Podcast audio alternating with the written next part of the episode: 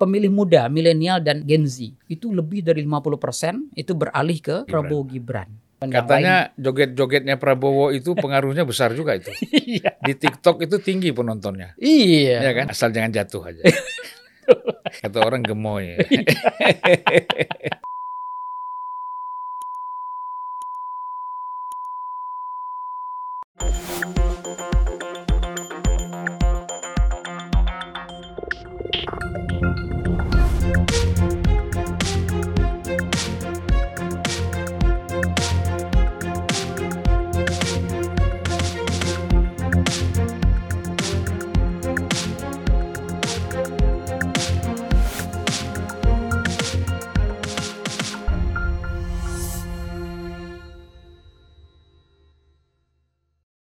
Bismillahirrahmanirrahim.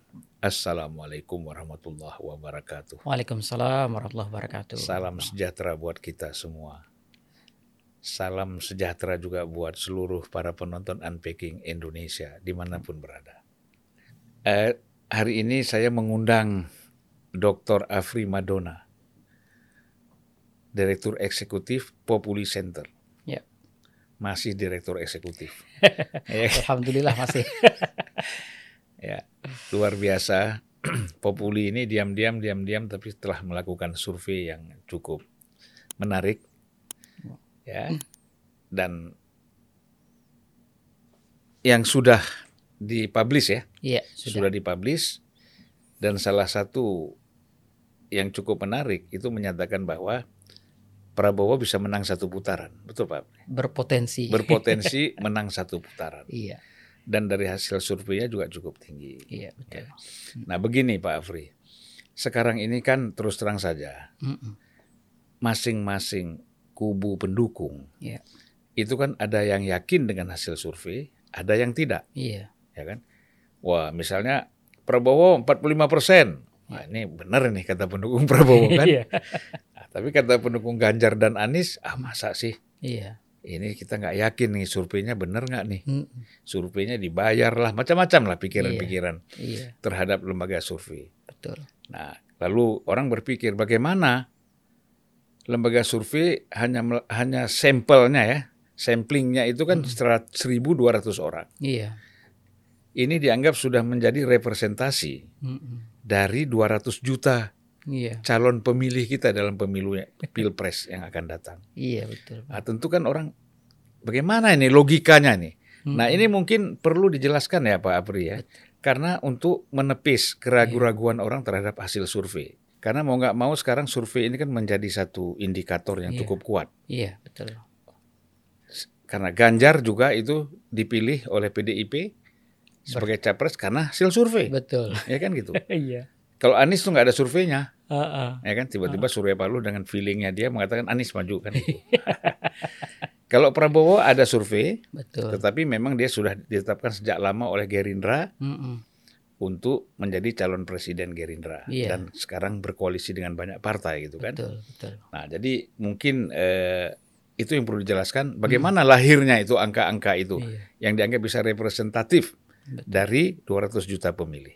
Iya, baik terima kasih bang. Ini pertanyaan yang eh, apa eh, sangat edukatif sebenarnya dan memang eh, tugas lembaga survei sebenarnya untuk Hmm.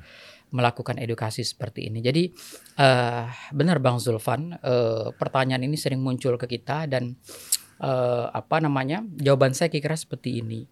Salah satu terobosan ilmiah yang eh, apa namanya yang luar biasa gitu ya di dalam eh, apa namanya eh, dalam metodologi eh, penelitian itu adalah kemampuan kita untuk bisa mempelajari populasi yang besar Hmm. hanya dengan mengamati sebagian populasi itu. Itu Iya. terobosan luar biasa gitu. Dan eh, apa namanya terobosan ini telah berlangsung eh, mungkin lebih dari 100 tahun barangkali ya Eh, apa namanya eh, dalam dunia statistik eh, Iya. atau metode eh, metodologi penelitian kuantitatif. Nah logikanya adalah eh, selama eh, di antara populasi yang besar itu kita pilih eh, sampel itu eh, apa namanya eh, secara acak hmm. maka kita bisa mempelajari uh, apa namanya keseluruhan populasi itu dari uh, apa namanya dari uh, sampel acak tadi. Hmm. Jadi logikanya seperti logika uh, kita masak sup uh, apa namanya di mangkuk besar gitu. Kemudian uh, kita masukin garam gitu kemudian kita aduk uh, apa namanya sup itu gitu. Hmm. Kemudian kita cukup uh, mencicipi satu, satu sendok, sendok aja. Ya udah cukup tanpa harus uh, mencicipi keseluruhan uh, hasil apa uh, kuah sup begitu. Yeah. Nah, begitu juga dengan kita pemeriksaan darah gitu. Hmm. Cukup hanya diambil sedikit saja sampel karena diasumsikan sirkulasi darah itu kan berputar terus hmm. gitu. Jadi cukup diambil sampel aja itu kita sudah bisa menangkap keseluruhan persoalan uh, di badan kita misalnya. Begitu juga di sup tadi dengan cukup satu sendok sup bisa menangkap uh, apa namanya uh, sudah bisa kita mempelajari keseluruhan rasa sup begitu. Apakah keasinan, Tapi kan gini Pak, kalau itu sampelnya hmm. itu kan eksak ya. Iya. Agak eksak gitu. Nah sementara kan survei ini kita menjadikan simpel ini kan ada aspek-aspek sosial politik iya, betul. yang juga bisa bisa pikiran-pikiran orang berbeda-beda. Betul. Nah ini yang perlu dijelaskan gimana nih? iya, jadi eh, apa namanya?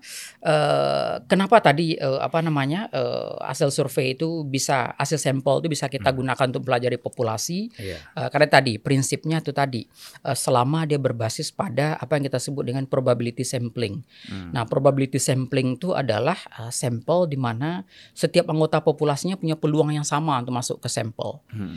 Nah, maksudnya apa itu gitu? Artinya uh, kalau sampel kita hanya 2000 sementara populasi kita 200 juta gitu. Hmm. Itu kan secara efektif masing-masing orang tuh punya peluang satu per seratus ribu. Hmm. Sama dengan nol itu hmm. sebenarnya gitu. Yeah. Sama dengan nol. Nah pertanyaannya kenapa si A terpilih ke dalam sampel, kenapa si B enggak? Hmm. Jawabannya takdir sebenarnya. Hmm. Nah takdir inilah sebenarnya yang disebut dengan prinsip random. Hmm. Gitu. Yang kalau dalam bahasa statistik by chance gitu. Hmm. By chance. Nah, selama sampel itu kita ambil by chance gitu, maka kita bisa mempelajari populasi dengan sampel itu.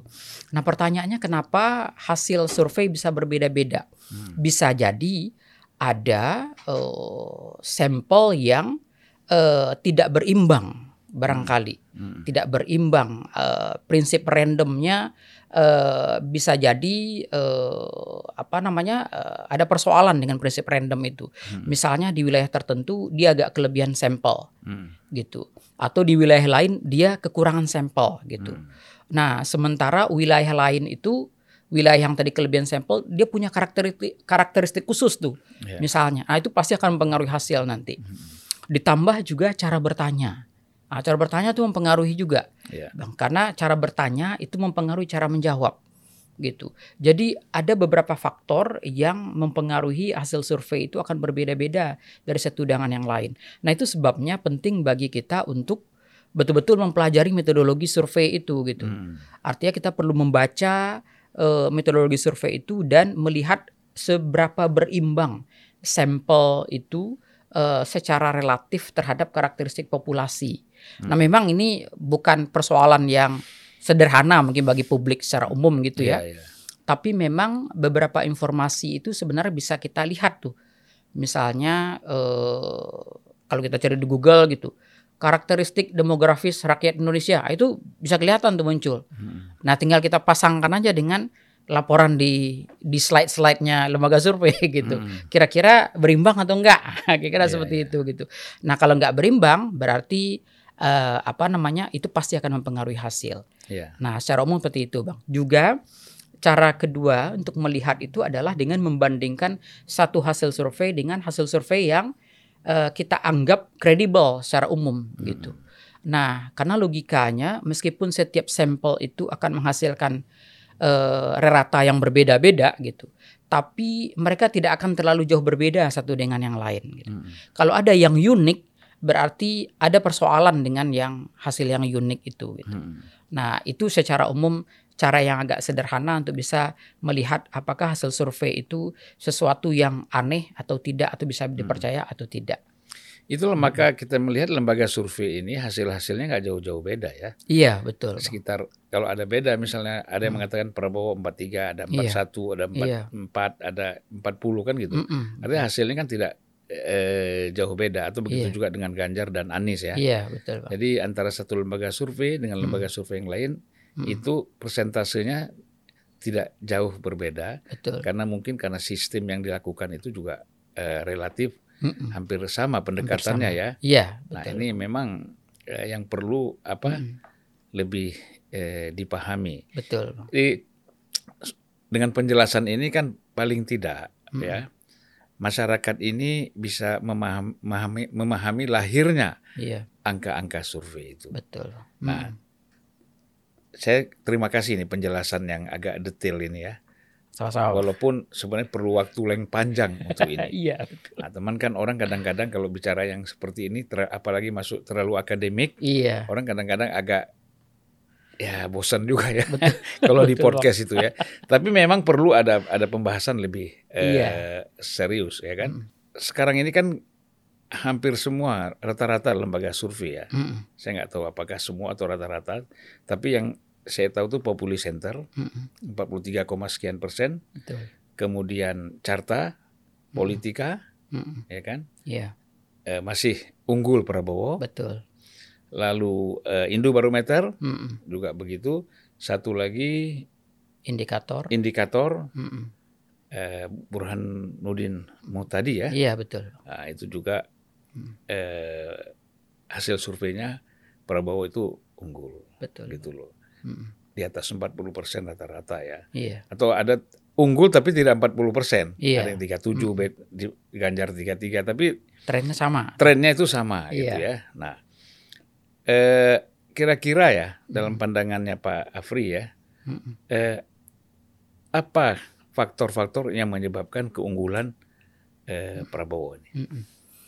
Eh, secara umum eh, bisa jadi eh, dinamika belakangan ini eh, mungkin mempengaruhi, bang ya. Mm-mm. Kalau kita coba eh, utak-atik data gitu, jadi kita betul-betul ini penjelasan saya betul-betul berbasis data gitu Mm-mm. empirik.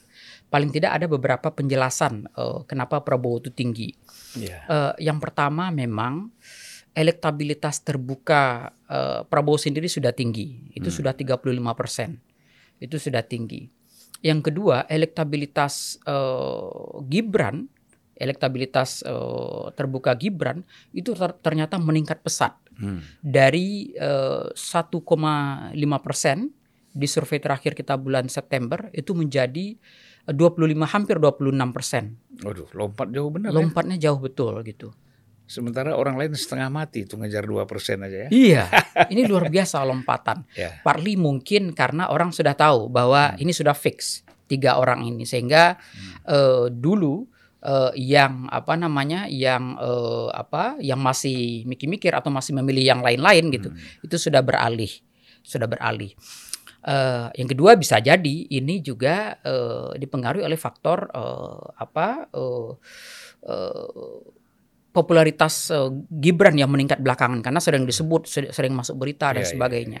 Nah, karena pertanyaan kita elektabilitas terbuka gitu. Elekta- Elektabilitas terbuka itu kan kita tidak menyodorkan nama, Hmm. tapi apa yang ada di kepala responden gitu. Iya. Nah, karena nama Gibran mungkin sering disebut gitu, maka sering kali eh, maka dia muncul eh, teratas gitu. Jadi hampir 26 persen, 25,9 persen. Gitu. Itu dilakukan setelah keputusan MK ya. Betul, kita survei eh, tanggal 29 Oktober sampai eh, 5 November. Hmm. Jadi setelah keputusan MK Hmm. gitu.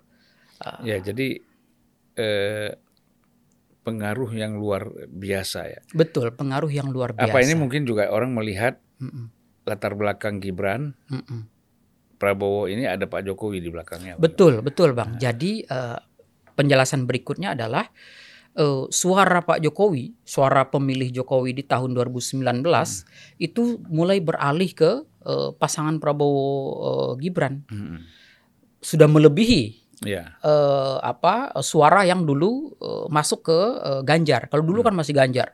Dulu masih 40-an 50 persen itu ke Ganjar suara Ya. Pak Jokowi gitu. Hmm. Tapi sekarang sudah beralih gitu dan sudah disalib Hmm. oleh eh, pasangan Prabowo Gibran. Jadi Hmm.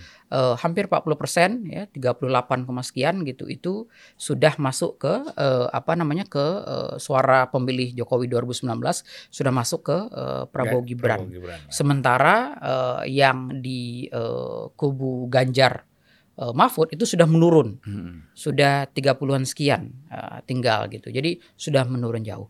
Kemudian fenomena yang cukup menarik lainnya gitu, itu pemilih Jawa sudah mulai menguat ke uh, Prabowo Gibran. Jawa mana nih semua? Jawa Tengah terutama Jawa Jawa Tengah, Jawa bagian tengah dan timur. Hmm. Nah, itu kan ceruk-ceruk besar gitu. Iya, iya, itu iya. sudah mulai beralih. Kemudian yang juga menarik pemilih milenial, pemilih muda, milenial dan Gen Z. Hmm. Itu lebih dari 50% itu beralih ke Prabowo Gibran. Prabowo Gibran. Itu angka yang sangat besar uh, beralih. Jadi Iya, iya. ini faktor-faktor yang mendorong kenapa meroket sekali plus dukungan NU dan Muhammadiyah itu Hmm. juga menguat. Sebelumnya NU itu lebih banyak ke uh, Ganjar. Ganjar Hmm. uh, Ganjar Prabowo dan Iya. Mahfud gitu. Hmm. Sekarang beralih ke uh, Prabowo, Gibran. Gibran. Nah, kalau kita lihat berarti apa yang selama ini diributkan pada tingkat elit, Mm-mm. ya kan di persoalan dinasti, politik Betul. dinasti, politik keluarga, Iya. macam-macam lah ya, Iya. hal-hal yang yang agak bisa mendiskreditkan Mm-mm. eh, Pak Jokowi dan Gibran misalnya kan, Mm-mm. kemudian eh, pisahnya antara kita lihat perpisahan antara Pak Jokowi dan Gibran Mm. dengan PDIP ya. Iya, iya. dan banyak hal lagi misalnya macam-macam yang bisa dijadikan eh, opini Mm-mm. untuk eh, mengu- orang menganggap ini akan mengurangi Betul, dukungan-dukungan kepada Pak Prabowo, betul. Jokowi Mm-mm. dan Gibran. Ternyata kan tadi tidak ada Iya. pengaruhnya ya, Tidak ada pengaruhnya, justru malah meningkat. malah meningkat. iya. Jangan-jangan masyarakat bersimpati justru gitu. Ya. Karena diserang terus, mereka Ah, diam aja, iya, kerja ya kerja aja gitu. Iya, iya, iya. Dianggap terzalimi ya. iya, betul masyarakat kita kan begitu. ya. Sementara satu pihak kan kaum elit menganggap eh, justru Mm-mm. Pak Jokowi dianggap menzalimi. Iya, Tetapi justru sebagian besar publik kalau kita lihat dari hasil survei justru dia dianggap terzalimi. iya, Nah, betul. ini hati-hati kita kan betul, dalam politik itu memang harus betul bang, nggak bisa sembarangan. ya. betul sekali bang. Karena Hmm. psikologi publik secara umum dengan psikologi elit ini jangan-jangan berbeda ini. Ya, cara elit memahami ini dengan cara kita memahami gitu ya. Eh, Cara publik memahami Ya. secara umum dengan cara elit memahami jangan berbeda. karena mungkin begini ada pengaruhnya nggak? Ke publik ini kan melihat bahwa kepala desa turun temurun. Mm-mm. Yang sehari dia lihat Iya, ini hari ini suaminya besok istrinya, Betul, Bang. anaknya lagi, balik lagi keponakannya. iya. Kan itu hal biasa buat rakyat. Hal- betul. kepala desa, kemudian kepala daerah, bupati, Iya. wali kota juga seperti itu banyak yang terjadi seperti itu. Mm-mm. Dan belum lagi posisi-posisi yang lain. Iya, Jadi rakyat menganggap ah ini hal biasa kenapa diributkan? Iya. Kami mengalaminya, ya kan? betul. Artinya kami mengalami hal ini sudah sering dan Iya. hampir eh, bertahun-tahun Iya. yang kami alami. Tapi kok kenapa nggak diributkan? Iya, Kok betul. giliran ini diributkan? Nah ini Iya. mungkin simpati rakyat itu akan muncul ya. Benar, Posisi benar, kayak Bang. gitu. Saya sepakat, Bang. Di- dan di survei kita tercapture banget itu. Mm-mm. Kita sempat juga menanyakan tentang dinasti politik Mm-mm. dan hasilnya adalah sebagian sebagian besar masyarakat mungkin di atas 50% menganggap itu hal yang biasa. Iya. Karena itu yang mereka hadapi sehari-hari dan itu biasa-biasa aja. Mereka tetap ya makan, tetap ini Hmm. gitu ya, beraktivitas dan sebagainya karena Iya. politik lokal juga banyak seperti yang Bang Zulfan Iya. sebutkan tingkat eh, apa tingkat desa, Mm. tingkat eh, kepala daerah dan sebagainya Iya. gitu. Itu hal yang biasa di nasib politik. Jadi Mm. bagi mereka selama mereka bisa tetap makan, Iya. minum gitu, apa tetap bisa bekerja, ya kenapa harus diributkan hal seperti Sembako itu? tetap jalan. Iya. Dan survei kita konsisten juga dengan lain. Misalnya Hmm. indikator juga sempat juga menanyakan itu gitu. Ah. Dan hasilnya sama gitu. Mm. Hasilnya sama. gitu. Dulu pernah juga teman kita eh, Bang Jayadi melakukan survei juga LSI gitu. Itu di awal-awal dulu di Ah. waktu masih panas-panasnya Iya. keputusan MK waktu itu gitu. Mm. Dan lagi-lagi banyak eh, apa namanya eh, responden yang menganggap Hmm. itu hal yang biasa bang keputusan itu Mm. bahkan di antara mereka yang mengetahui keputusan itu pun menganggap ya itu hak Pak Jokowi mau melakukan itu dan sebagainya gitu. Ya, makanya saya heran juga. Jadi masyarakat yang eh, apa namanya terekspos ke eh, political news kayak gini aja Mm. itu menganggap hal yang normal dan biasa. Apalagi masyarakat bawah yang Iya. mereka uh, apa tidak terekspos banget terhadap berita gitu. Hmm. Tetapi mereka uh, tetap apa namanya uh, daily life mereka tetap jalan gitu. Iya. Jadi mereka nggak terlalu peduli dengan Jadi air matanya Gunawan Muhammad, Mm-mm. air matanya Hasto Iya. itu ternyata tidak terimbas di masyarakat ya. iya. Berdasarkan hasil survei secara Iya. empirik ya Iya, iya. begitu. Bang. Itulah eh, apa tingkat Hmm. pemahaman dan pendidikan politik di tengah-tengah masyarakat kita Iya. yang memang punya kewajiban untuk setiap orang meningkatkan ya. Mm-mm. Betul bang. Satu hal yang menarik juga dari hasil Populi Mm-mm. adalah bahwa Anies itu dari hasil survei Populi itu bisa melewati Ganjar ya. Iya. Itu bagaimana tuh? Alasan-alasannya kenapa? Iya di elektabilitas terbuka memang eh, apa Anies itu lebih tinggi dari Ganjar di elektabilitas terbuka meskipun di elektabilitas eh, tiga pasang eh, dia di bawah sedikit tapi secara margin of error tidak berbeda bang Hmm. 22,3 versus eh, 23 eh, Ganjar jadi kan Hmm. itu Iya, iya. apa namanya nggak berbeda secara statistik gitu Iya. Nah, dugaan saya barangkali mungkin eh, karena eh, Anies itu lebih pertama dia emang rajin turun gitu Hmm. dan rajin eh, apa namanya Hadir di mana-mana. hadir di mana-mana dan eh, apa namanya eh, dia tidak terlalu seolah-olah eh, apa ya terlibat di dalam konflik ini seperti jadi masyarakat Hmm. mungkin menilai eh ini apa calon yang yang relatif fine fine aja gitu Hmm. dugaan saya dia naik ini karena eh, apa eh, suara Ganjar tergerus juga jadi Mm-mm. mungkin ada kontribusi dari eh, apa namanya ketergerusan suara Ganjar misalnya em, suara suara NU mengalami penurunan gitu Hmm. suara NU mengalami penurunan ini gitu itu sebagian beralih memang ke Anies gitu Hmm. nah Muhammadiyah juga. Muhammadiyah ya dari dulu memang sudah kuat ke Anies gitu Eh, apa namanya eh, malah suara Muhammadiyah ke di data kita suara Muhammadiyah yang ke pasangan Mahfud, eh, Ganjar Mahfud malah tidak ada gitu Hmm. Eh, jadi tersebar antara eh, Anies dan eh, apa namanya dan eh, Prabowo. eh, Prabowo Hmm. gitu. Tapi Anies masih lebih kuat. Hmm. Nah yang menarik memang dalam beberapa hal Caimin punya kontribusi karena Hmm. suara PKS yang mulai lari ke Anies itu mengalami peningkatan memang gitu. Hmm. Jadi ini juga memberikan kontribusi yang besar juga gitu. Eh kalau nggak salah sekitar 30-an persen itu sudah beralih ke apa namanya ke Anies eh, Suara suara. PKB. Eh, PKB, ya. Iya. PKB. Kalau PKS kan sudah memang udah kuat gitu. Iya, iya. Uh, tapi PKB sudah mulai uh, beralih gitu. Jadi Hmm. dalam beberapa hal gitu, an- uh, apa Caimin uh, punya kontribusi juga. PKB ini eh artinya kan dukungan dia terbesar kan dari NU ya, Betul. masyarakat NU. Iya, Di samping masyarakat umum ya. iya. Nah, kira-kira apakah yang banyak masuk ke Anies ini suaranya dari dari sisi NU-nya atau Hmm. dari yang lain? Lebih banyak uh, memang dari sisi uh, apa namanya uh, struktural PKB-nya memang, ya pengaruh PKB-nya, Hmm. politik NU-nya gitu. Mm-mm. Uh, meskipun apa NU tradisionalis masih apa namanya masih terpecah. Jadi memang Hmm. NU tradisionalis agak terpecah nih emang nih. Kalau Hmm. dulu kan uh, mostly masih ke Ganjar gitu. Iya. Sekarang sudah mulai agak sebagian masuk ke Anies, sebagian masuk ke Prabowo gitu. Mm-mm. Jadi eh, NU yang menurut saya yang sangat terbelah memang eh, suaranya gitu. Iya, iya. Ah, nah, eh, apa namanya pendekatan-pendekatan ke pesantren kan lumayan gencar Anies belakangan ini Mm-mm. Eh, karena dibantu oleh eh, Caimin terutama sekali. Iya, gitu. iya. Jadi makanya kemudian pelan-pelan memang gelombang suara NU mulai naik juga memang Hmm. ke Anies. Gitu. gitu ya. Sekarang kan yang paling apa yang perlu kita jawab ini Mm-mm. Prabowo Gibran ini kan sangat yakin Iya, bahwa satu putaran iya kan betul. Bang. itu. Tapi persentasenya pokoknya di atas 51. Iya, Nah, sementara kan hasil survei orang mengatakan tidak ada hasil survei yang yang mengatakan 50 plus 1 kan. iya, Gitu. Nah, namun kan orang meyakini, termasuk saya meyakini satu putaran. iya. Itu saya tuh. Mm-mm. Satu putaran itu yang yang unggul menurut saya, ya Mm-mm. kan? Kan boleh saya Iya, berandai-andai. menurut saya ya Prabowo, Gibran ini yang unggul nanti Iya. eh, untuk dalam satu putaran ini. Mm-mm. Nah, kira-kira kalau menurut Populi sendiri bagaimana?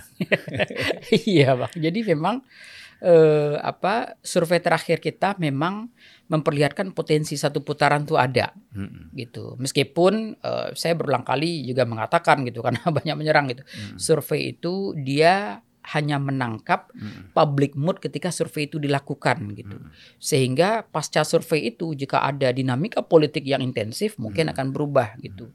Tetapi kan eh, pasti yang diuntungkan dari survei itu misal kubu Prabowo, mereka juga tidak akan tinggal diam juga gitu. Hmm. Mereka juga mungkin tidak akan terlena juga dengan hasil survei. Jadi Iya. mereka akan Kerja akan terus. kerja terus gitu. Eh, meskipun yang lain Katanya joget-jogetnya Prabowo itu pengaruhnya besar juga itu.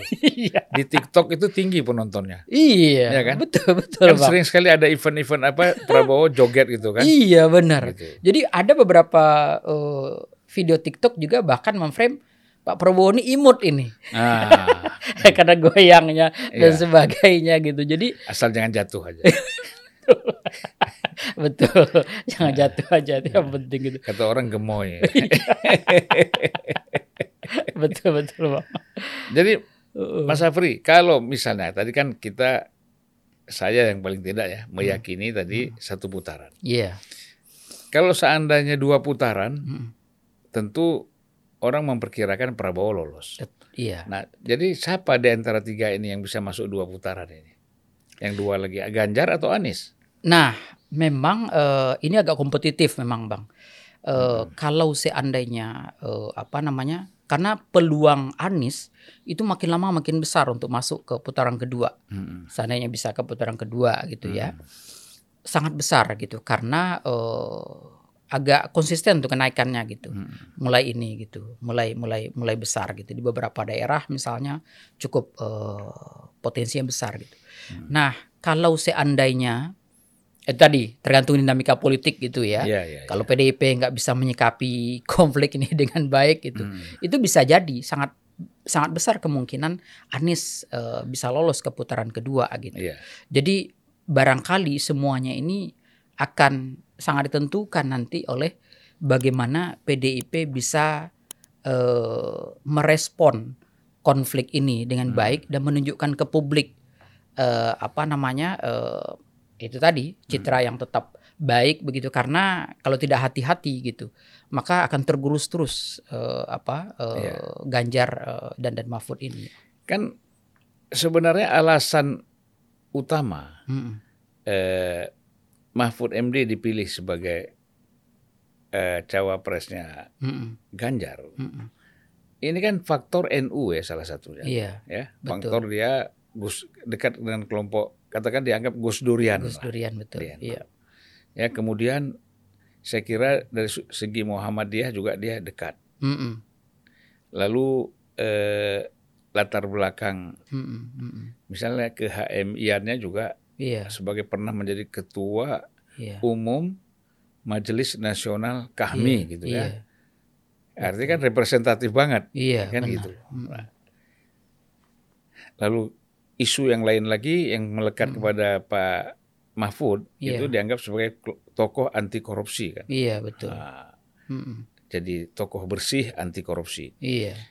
Itu tidak bisa mendongkrak Mm-mm. suara Ganjar itu. Betul. Makanya kok malah NU-nya ke Anies, Iya, agak iya. banyak lebih banyak ke Anies. Bagi perannya Pak Mahfud ini apa dong kalau nggak bisa mendongkrak Benar. itu kan? Iya. Benar Bang, ini memang eh, apa namanya? sesuatu yang agak puzzling ya. Eh dugaan saya mungkin Pak Mahfud belum terlalu optimal dalam menunjukkan eh, itu tadi gitu ya. Hmm. Identitas dia yang yang eh, lumayan kompleks itu gitu ya. Hmm. Eh, sehingga eh, tidak bisa menarik eh, apa namanya itu tadi Hmm. eh, kelompok Muhammadiyah, NU eh, dan lain sebagainya. Yang kedua, dugaan saya bisa jadi kelompok-kelompok ini udah mulai rasional ini gitu. Hmm. Karena berpikir ya kalau trennya seperti ini eh, besar kemungkinan Prabowo akan menang. Karena Prabowo pun masuk pun ke putaran kedua, Hmm. probability untuk menang pasti tinggi gitu. Hmm. Karena kan dia secara ideologi kan di tengah gitu. Secara ini apa eh, secara ya kalau kita petakan posisi ideologis itu mereka kan di tengah gitu. Iya. ya kalau seandainya siapa pun yang tidak uh, lolos gitu, suaranya pasti akan berhentinya di Prabowo Gitu uh, ya. Gibran gitu. Ya. Misalnya Anies tidak lolos gitu, pemilih Anies besar kemungkinan ya Ke mendingan ke Prabowo. Prabowo gitu. Begitu juga dengan Ganjar kalaupun tidak lolos, suaranya mendingan ya ke Prabowo daripada harus loncat ke Iya. Anies gitu. Itu pengalaman 2004. Iya, Pengalaman pemilu 2004 eh, kan kita lihat iya. suaranya eh, Wiranto Mm-mm. itu masuk ke eh, SBY SBY, bukan iya. ke Mega kan Heeh, gitu. Nah, betul. karena ada persoalan faktor seringnya konflik Iya, antara grassroots PDIP dengan Betul, Golkar kan betul bang. Iya, Itu ini. Heeh. benar. Karena di bawah itu agak kurang cocok ini. Hmm. Apa namanya? Ya apa eh, attitude-nya gitu ya, positioning ininya gitu ya. Hmm. Eh, kalaupun kita mungkin bisa menyebut positioning ideologisnya gitu. Jadi agak kurang bisa ini gitu. Sehingga kemungkinan kalaupun ada migrasi suara kemungkinan berhentinya di Prabowo gitu. Nah, dugaan saya kelompok-kelompok ini paling tidak elitnya tuh mulai rasional dalam dalam berpikir gitu. Sehingga mereka sudah eh kalaupun ini kalau logika bertaruh gitu, mendingan kita bertaruh ke pemenang aja udah gitu. Ngapain kita mengalihkan suara ke Iya. kelompok yang probability kalah aja besar gitu. Iya, iya. Jadi bisa jadi seperti itu bang logika rasionalnya karena tadi saya pernah berdiskusi dengan beberapa teman-teman gitu ya dengan misalnya dengan apa teman-teman eh, ya katakanlah suatu kelompok gitu ya ya selama ini kita karena salah memilih ini sih makanya kita terus di luar gitu besok-besok kita, pilih kita mendukung yang kalah. iya kita Eh. mendukung yang kalah besok-besok ya kita mendukung yang menang lah gitu Iya. supaya ya kita bisa masuk ke kekuasaan juga gitu Iya, iya. Ada akses lah. Iya, ada Ya kan? akses Paling paling tidak tidak. akses. Betul, betul, Bang. Ya saya kira itu eh, apa logika seperti itu banyak di dalam pikiran eh, publik kita ya. Betul. Karena udah betul, capek juga. Capek juga, Ya. betul, Bang. Iya. berjuang dari luar capek. Iya. Bagaimana kita berjuang dari dalam? Mm-mm, Benar. Tentu niatnya ya untuk melakukan perbaikan, Mm-mm, perbaikan. Iya. Jadi Mas Apri eh, banyak pendapat mengatakan bahwa ini kalau misalnya Anies maju, Mm-mm. maka suara Ganjar itu masuk ke eh, Anies. Suara Ganjar lebih mungkin ke Prabowo berhenti. Ya, iya, tapi kan ini publik kan menganggap begitu. Oh iya, iya. Karena kan begini, Iya. tidak mungkin ke Prabowo suara Ganjar karena ada konflik Mm, mm, mm, mm. satu kan gitu. Jadi pasti suaranya akan Lari ke Anies. Anies. Mm-mm, kemudian kalau suara eh, Anies tidak terpilih, mm-mm. ya kan? Orang juga mengatakan bisa kemungkinan akan mendukung Iya, eh, Ganjar iya. Dengan misalnya, wah Cak Imin ini kecewa sama Iya. Prabowo, maka PKB tidak akan milih Prabowo. Prabowo, betul, Surya betul. Paloh memang ada historisnya nggak dukung Iya. Prabowo kan gitu. Mm-mm, betul, betul, Bang. Kalau PKS kemungkinan ya balik ke Prabowo Iya. Mm-mm. karena memang dia 2014 2019 Iya. kan dukung Prabowo gitu kan. Betul, betul. Ya jadi kemungkinannya eh, agak sulit ya untuk siapa pun mereka ini maju untuk Mm-mm. putaran kedua untuk menang ya. Iya, memang eh, itu tadi, eh, iya di level elit memang eh, apa? Ya memang ada pembicaraan-pembicaraan juga di ini gitu. Misalnya eh, ada upaya-upaya untuk eh, apa istilahnya gitu ya? Paling tidak mungkin mendamaikan gitu antara eh, dua kekuatan yang yang probability kalahnya ini besar seperti Mm-mm. Prabowo dan apa eh, Anies dan Ganjar gitu Mm-mm. ya mungkin di belakang layar lah gitu apa eh, diskusi misalnya eh, apa eh ya udahlah gitu kalau memang kalah gitu eh, maka eh, coba kita me konsol tapi memang eh, ada concern gitu bahwa eh, kelompok ya misalnya nasionalis ini gitu eh, masih dibayang-bayangi rasa ketakutan misalnya eh, apa namanya eh, pengalaman 2017 gitu Mm. ya banyak yang kemudian protes itu kan salah lu sendiri gitu ngapain pengalaman 2017 politik identitas itu di di Ah. dipanas-panasin lagi gitu Iya, iya. kalau kata teman politik identitas yang paling parah itu justru di 2014 dulu katanya gitu gitu kan Ah, jadi eh, apa namanya upaya-upaya seperti itu tapi kalau seandainya mereka bisa reconcile ini Hmm.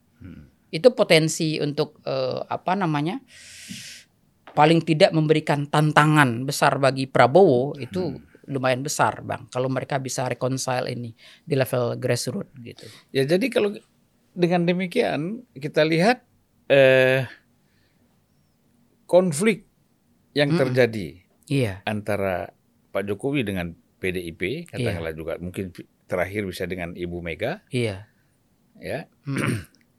Eh, dan tampaknya PDIP men- mencoba melakukan peredaan ketegangan betul, Ya, betul. Iya. dengan misalnya Ahmad Basara mengatakan Mm-mm. ada ada perintah dari ibu untuk tidak menja- Iya. menyerang Iya, eh, presiden betul. Jokowi gitu kan. Mm-mm. Ini kan artinya ada ada upaya untuk peredaan ketegangan. Iya, kan? melarang mundur menteri juga. Nah, melarang menterinya mundur karena ini tugas negara segala Iya. macam. Heeh.